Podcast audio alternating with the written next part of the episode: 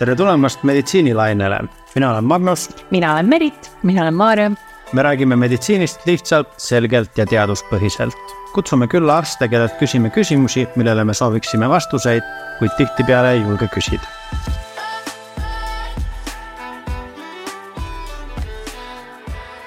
täna rääkisime hemorroididest, sellest, kuidas neid kodus ravida, millal pöörduda arsti poole ning millal tuleks kirurgiliselt sekkuda kui midagi sellest saatest kaasa võtta, siis seda, et arstide jaoks piinlikke piirkondi ei ole.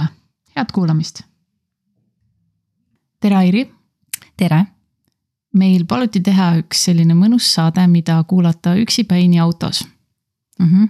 ja siis me mõtlesime, et teeks saate hemorroididest. jah, mis võiks olla parem. täpselt, sina oled kirurg. jah, üldkirurg. üldkirurg ehk et äh, hemorroididega inimesed siis satuvad sinu juurde päris tihti. ja, et äh, no ütleme, inimeste poolt on selline soov minna proktoloogi juurde, aga, aga see antud eriala tegelikult Eestis isegi ei ole, et, et need on kõik üldkirurgid, kes siis on nagu oma erisuseks saanud proktoloogia, et siis pärasoolt uurida. ehk proktoloog on see, kes uurib pärasoolt? jah mm. -hmm. aga mis, mis asjad need hemorroidid üldse on, et see on justkui selline nagu kuum kartul, et äh, inimestel on need keegi neist ei räägi, aga samas teada tahaks ja ravida ennast tahaks ka. jaa, absoluutselt, et äh, tegemist on väga levinud probleemiga, et et isegi ütleme, iga teine alates kolmekümnendast eluaastast inimene on kunagi äh, tundnud, et tal on hemoroidid või, või mingi probleem pärasoole lõpuosaga. aga, aga tõesti, probleem on selles, et inimesed ei taha sellest rääkida ja seda noh, tegelikult tõest sellist statistikat ei, ei teagi hemoroidid ehk siis hemoroidaalne selline kude on pärasoole lõpuosas kõigil olemas. kui ta laieneb ebanormaalselt suureks, veenilaiendid, siis kutsutakse seda hemoroidiks. et tegelikult selline hemoroidaalne kude on väga vajalik inimesele. Äh, tema siis pehmendab äh, väljakäigus sfinkterit ja, ja et ei tekiks sfinkteri ehk siis pärasoole lõpuosa lukuti kahjustust vetsus käies ja, ja, ja samuti hoiab siis kinni, et, et gaasid ja, ja väljaheide siis tavalisel ajal ei pääseks siis välja. ehk siis sellist rooja ja gaasipidamatust hoiab ära. sa ütlesid, et see kude on meil kõigil olemas. aga, aga mingitel juhtudel ta läheb siis ebanormaalselt suureks. jah, täpselt. aga miks või see kude ongi selline veenilaiend, mis siis ütleme, kui on liiga palju survet Äh, vaagnaveenidele näiteks tüüpiline juhtum on raseduse ajal mm., kus siis äh, veenidel on surve suur. või siis ülekaalulistel inimestel või, või näiteks raskusti tõstvatel inimestel või kõhukinnisusega, kui see, see pressimine vaagnaveenidel on suurenenud, siis need veenilaiendid ka suurenevad ja siis inimene näeb neid siis sellise komudena, et kas sinistena või, või siis välja veninud limaskestena. ehk et riskirühmas on siis istuvad öövisega inimesed. absoluutselt. raskusi tõstvad inimesed. just. inimesed, rase, rase, rasedad ka. ja rasedad kindlasti jah, ja, ja raseduse puhul on veel ka äh, eripära on see, et, et kõik see raseduseaegne hormonaalne tasakaal muutub, millega siis tekibki rohkem kõhukinnisust, mis on siis põhiline riskifaktor hemoroidi tekkel.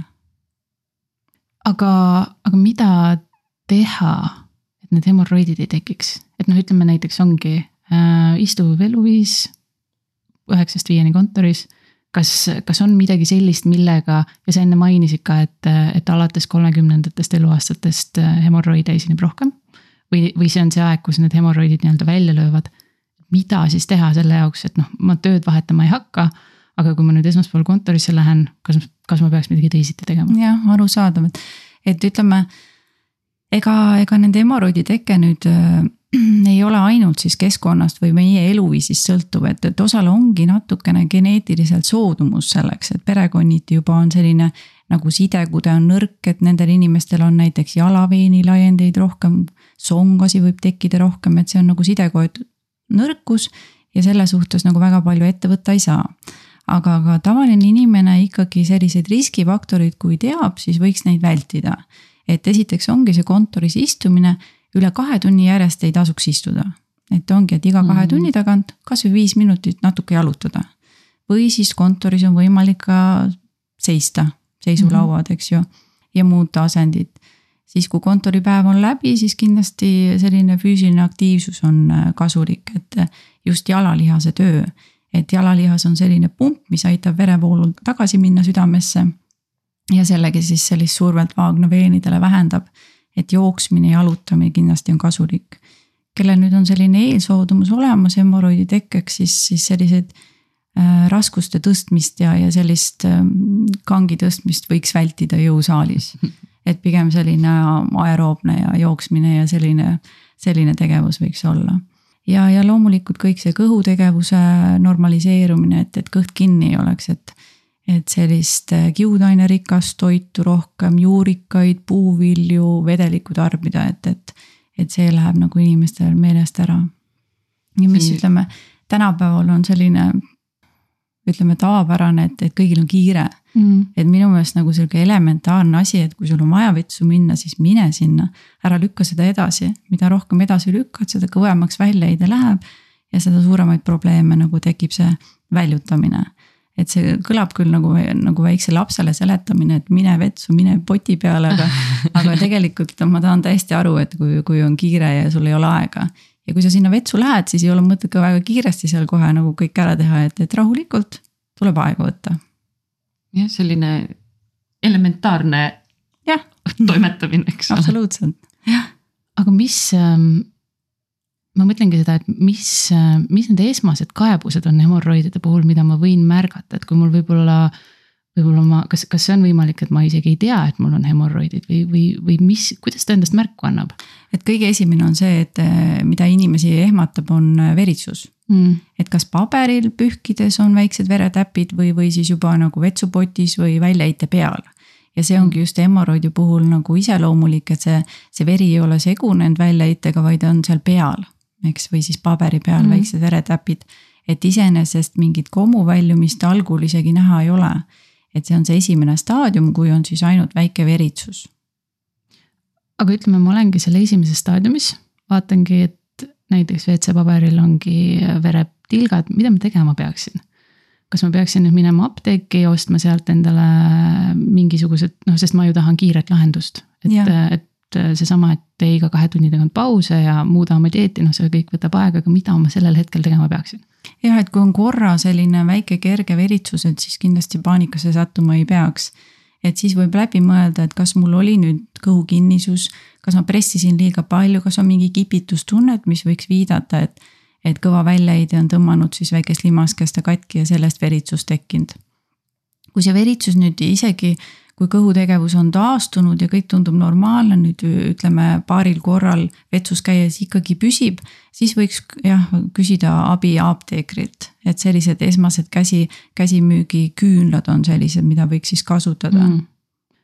Vot see on väga huvitav küsimus, sest ähm, meil küsiti Instagramis ka, et mis on need käsimüügiravimid, mida võiks esmajoones kasutada, sa mainisid küünlaid mm, -hmm. aga teadupärast on olemas ka mingid kreemid ja ma olen, äh, meieni jõudis äh, ka üks kuulaja, kes ütles, et temale.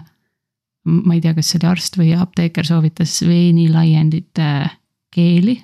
et kas need kõik on äh, pädevad asjad või, või, või mis see, mis see nii-öelda kõige esmasem ravi, mida ma ise saan endaga teha, peaks olema mm? -hmm. et esimene asi on kindlasti selliste riskitegurite vähendamine, et kõhukinnisuse vähendamine ja, ja puhtuse eest hoolitsemine, et kui on juba veritsus tekkinud, siis kindlasti vetsus, peale vetsus käies ei tohiks siis paberiga pühkida, et, et pigemgi siis voolava veega läbi pesta või, või siis need niisked salvrätikud, mida võib siis ka vetsupotti visata.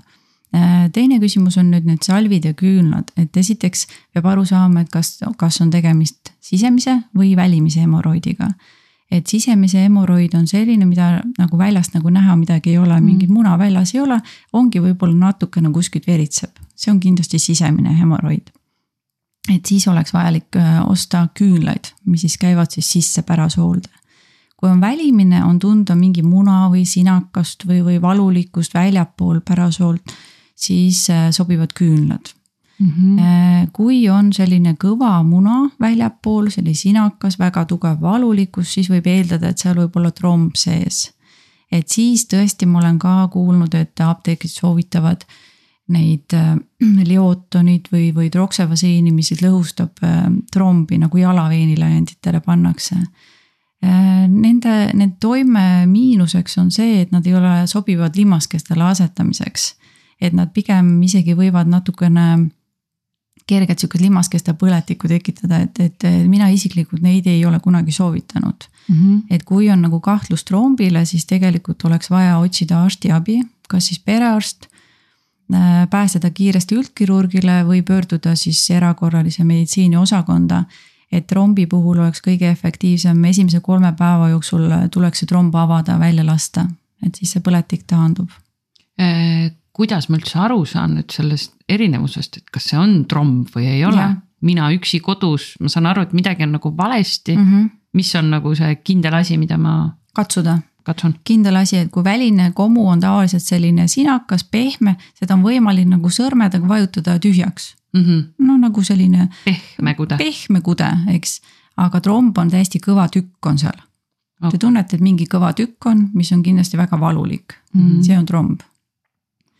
Et, et siis ongi variant, et kas, kas siis koheselt avada või siis, siis juba peaks siis äh, perearst väljastama äh, ravisalvid et mis lõhustavad seda trombi, et siis juba nagu käsimüügi salvidest ei aita. Airi, ma korra, kohe läheme selle perearsti ja arsti äh, teemaga edasi, aga ma korra küsin veel seda erinevust selle sisemise ja välise vahel. et kas seal on nii-öelda mingi tõsisuse vahe ka, et kui mul on see sisemine, et siis see on kuidagi leebem ja kui nad on juba väljas, et siis asi hakkab juba tõsisemaks minema või tegelikult seal ei ole vahet, kas ta on sees või väljas? täitsa eraldi on välimised ja sisemised okay.. et välimised on kogu aeg väljas, ükskõik mm -hmm. kui suured nad on.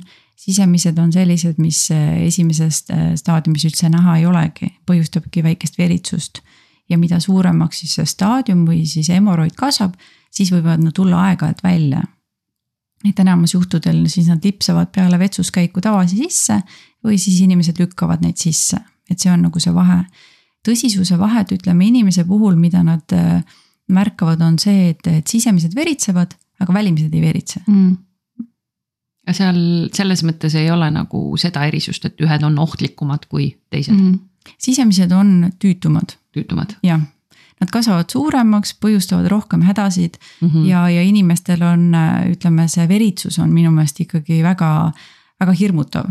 nojah, ma arvan, et see ei ole kellelegi ei, ei tee nagu rõõmu, kui ja. sa märkad, on ju, et sul on. jah, jah, jah, just, et, et, et ütleme, et eks see eh, vähimõte on ka inimestel ikkagi kuklas kogu mm -hmm. aeg mhm. olemas, et midagi veritseb ja nad on kuulnud, et vähk võib veritseda ja. ja, ja, ja eks selle peale peab alati mõtlema ka ükskõik kui vana inimene on, et, et selle peale peab mõtlema.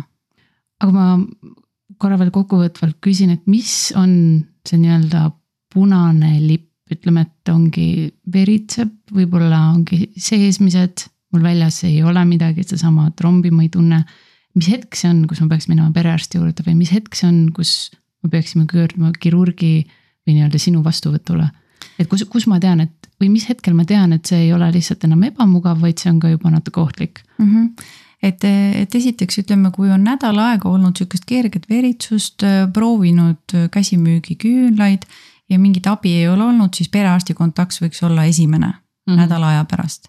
kui nüüd perearst väljust, väljatab ütleme, kas küünlad või salvi, vaatab üle, et, et midagi trombi ei ole avada, siis, siis proovida neid küünlaid ja kui see ka abi ei anna, siis võiks pöörduda juba kirurgi juurde. no ütleme kolm nädalat, kolm-neli nädalat oleks selline aeg, kui ise võiks midagi proovida. ja, ja kui abi üldse ei ole, et siis võiks kirurgi juurde pöörduda.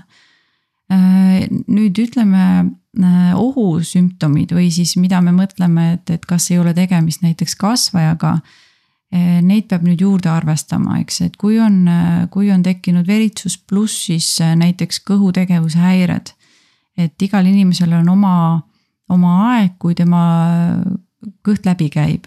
eks, et kui see järsku on muutunud, et varem oli, käisin seal kolm korda nädalas äh, WC-s, aga nüüd on näiteks iga päev ja kõht on kogu aeg lahti või mingi muutus on, puhitus tekib või, või kaalulangus juurde et need on siuksed ohumärgid, kui tuleks siis pöörduda perearstile või siis eriarstile varem mm. -hmm. et äh, et no loomulikult me keegi ei mõtle, et, et noortel siin kahekümnendates on juba ju mingid kasvajad, eks ju.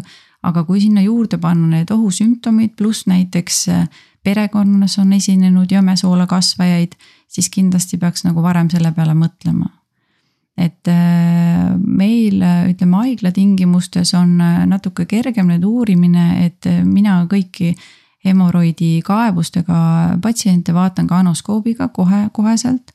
Kui jääb vähegi mingi kahtlus või ma kuulen mingeid ohutegureid, mis patsiendil on, siis eh, suuname muidugi koloskoopia uuringule, mis on see jämesoole täielik uurimine mis asi see ano, ano...? anoskoopia on selline, kus on eh, peenikene toru, siis panen pärasoolde ja siis ma näen pärasoole lõpposa mm, need hemoroidid üle. et see ei ole valulik, ta on natuke ebamugav aga, aga see toru läbimõõt on selline kuni kaks sentimeetrit mm. ja, ja valgustusega spetsiaalselt vaatan. et see on nagu esmane selline äh, diagnoosimise meetod, et ma teen selgeks, kas on sisemised, välimised, mis staadiumis need sisemised komud on, kas seal on ka midagi muud, haavand, äh, lõhed tekkinud äh, või, või siis juba ka kasvaja. aga mis hetkel inimene siis nii-öelda kirurgi lauale jõuab või mis hetkel siis äh, on see, kus, kus hemoroidid tuleb kirurgiliselt eemaldada äh,? väga harva mm.. et tänapäeval ikkagi hemoroidide tegelemiseks on erinevaid meetodeid ja arvestades kiiret eluviisi, siis inimene tahab ikkagi kiirelt naaseda oma tavapärase elu juurde, tavapärase töö juurde.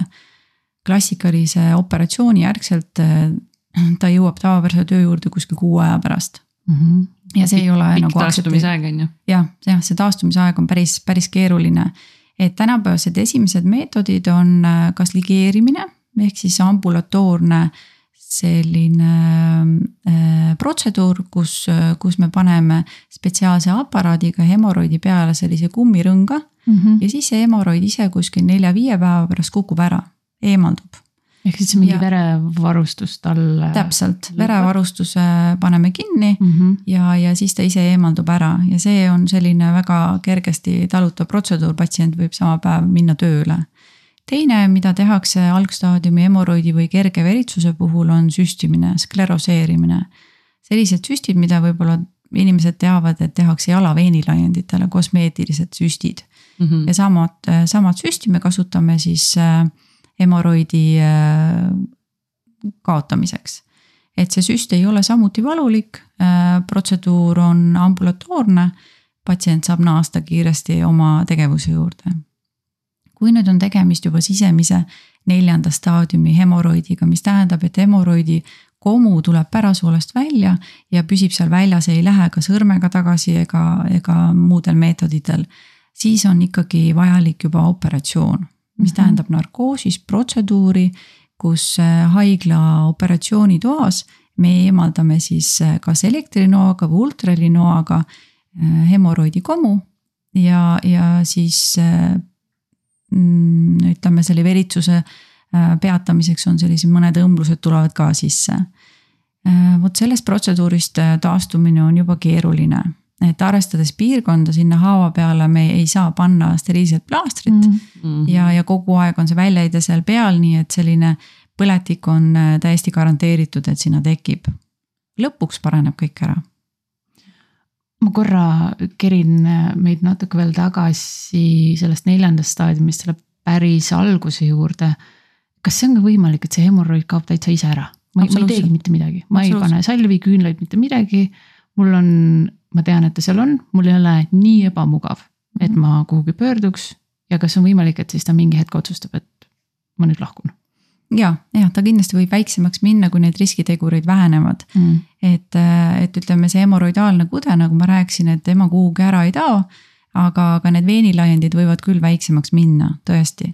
et kui me vähendame neid äh, istumist, raskustöö tõstmist, kõhu kinnisust, siis kindlasti nad võivad väheneda teine küsimus, kas nendel üldse peab midagi tegema, et äh, inimesed on ka väga erineva valu ja sellise mm, tunnetusega. et äh, on inimesi, kes tuleb, et tal on tõesti neljanda staadiumi kommu, kogu aeg on väljas aga, aga nüüd hakkas häirima, kuna hakkas veritsema, aga mm -hmm. varasemalt üldse ei häirinud, mis siis, et ta väljas oli seal. on ka inimesi, kes tulevad esimese väikese veri, veretilga peale tulevad kohe tasulisele, kohe järgmine päev, vot eile tulevad koos selle paberiga. et, et see on täiesti erinev ja, ja inimeste mure on, on igal juhul alati tõsine.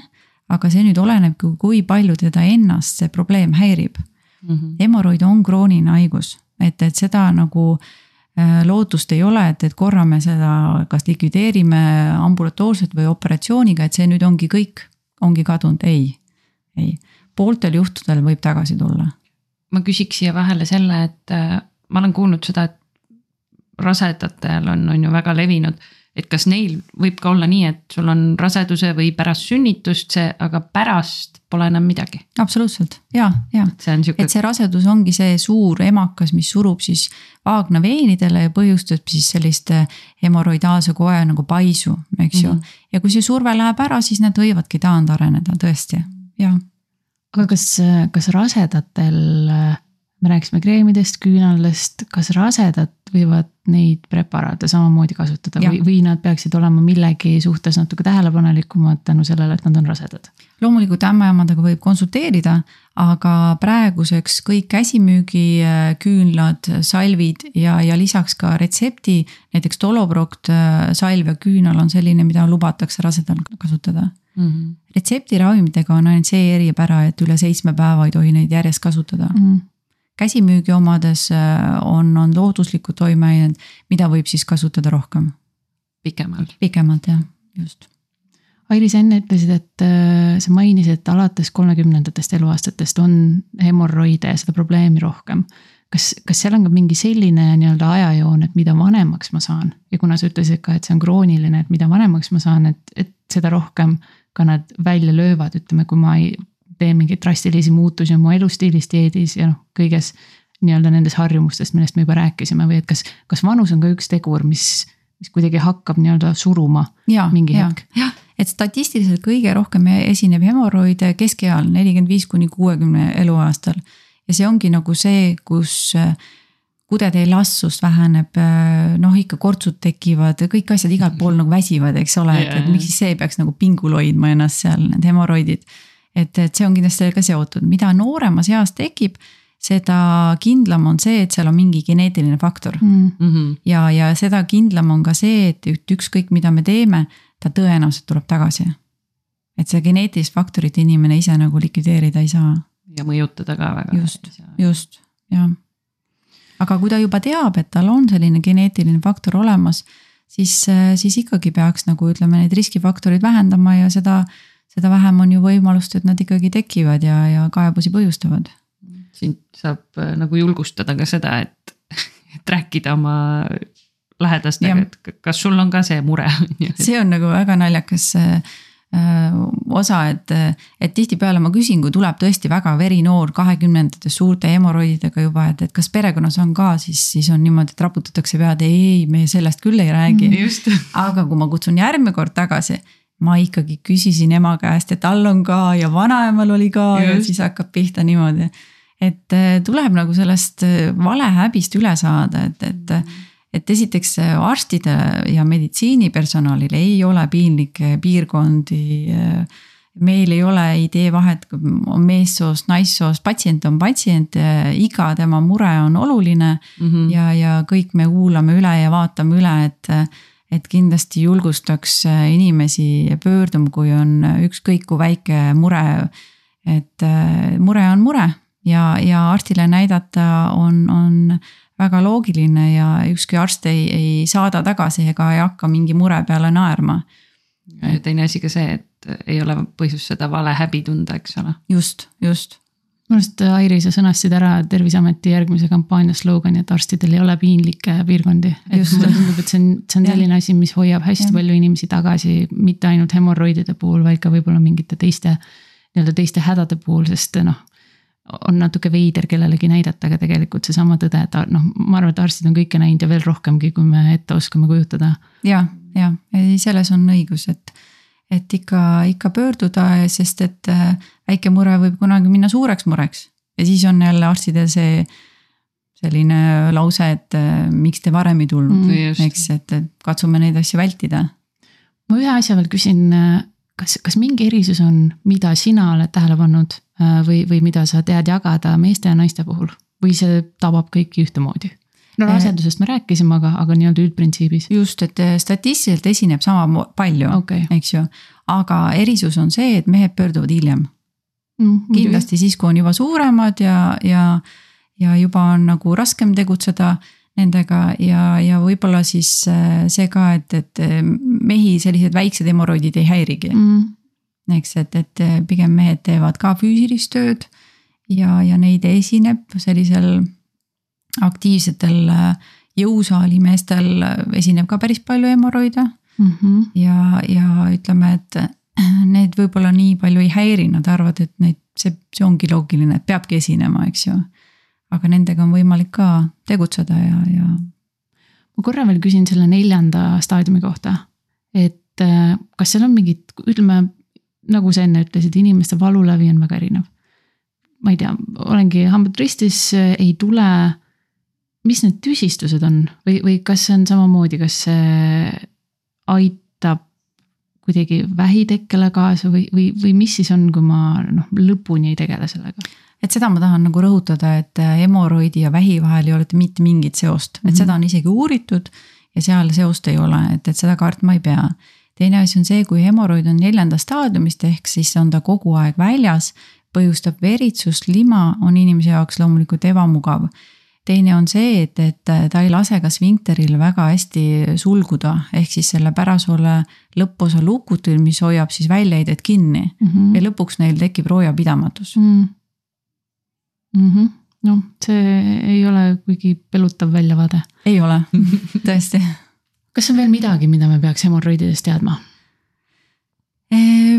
pöörduda mm, -hmm. olla rohkem teadlikud, et, et mis see hemoroid on, kas mul võib see olla esimesed asjad kindlasti, mida ma ise saaksin ära teha, et, et kas nad läheksid natuke tagasi rohkem või, või nad ei põhjustaks nii palju sümptomeid rohkem liikuda, vähem istuda, et kindlasti, mida mina viimasel aastatel olen näinud, et kõik see Covidi kodukontori aeg on, on plahvatuslikult tekitanud hemoroidi inimesel.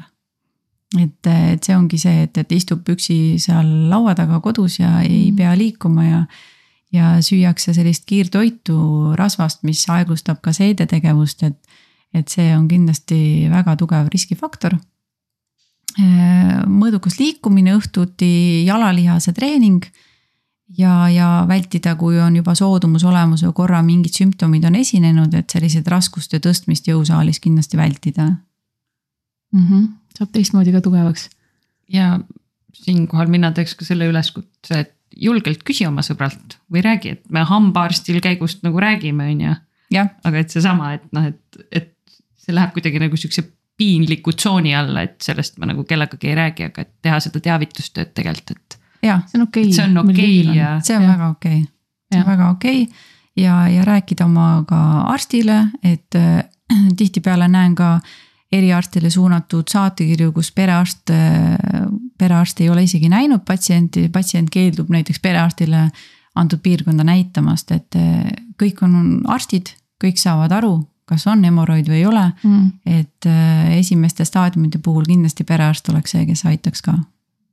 nii et piinlikke muresid ei ole, piinlikke piirkondi ei ole ja nagu me vist kõikidelt arstidelt siiamaani oleme kuulnud, siis liikuge rohkem inimesed. Absoluutselt ja ükski probleem ei ole väike. väga hea, aga meie poolt sulle suur-suur-suur aitäh. ja aitäh palun. ja, ja julgustame siit kolmekesi omalt poolt äh, inimesi siis pöörduma arsti poole. kindlasti. aitäh, et oled meiega meditsiinilainel, leiad meid ka Instagramist ning postkasti ootame küsimusi ja tagasisidet. kohtumiseni järgmisel lainel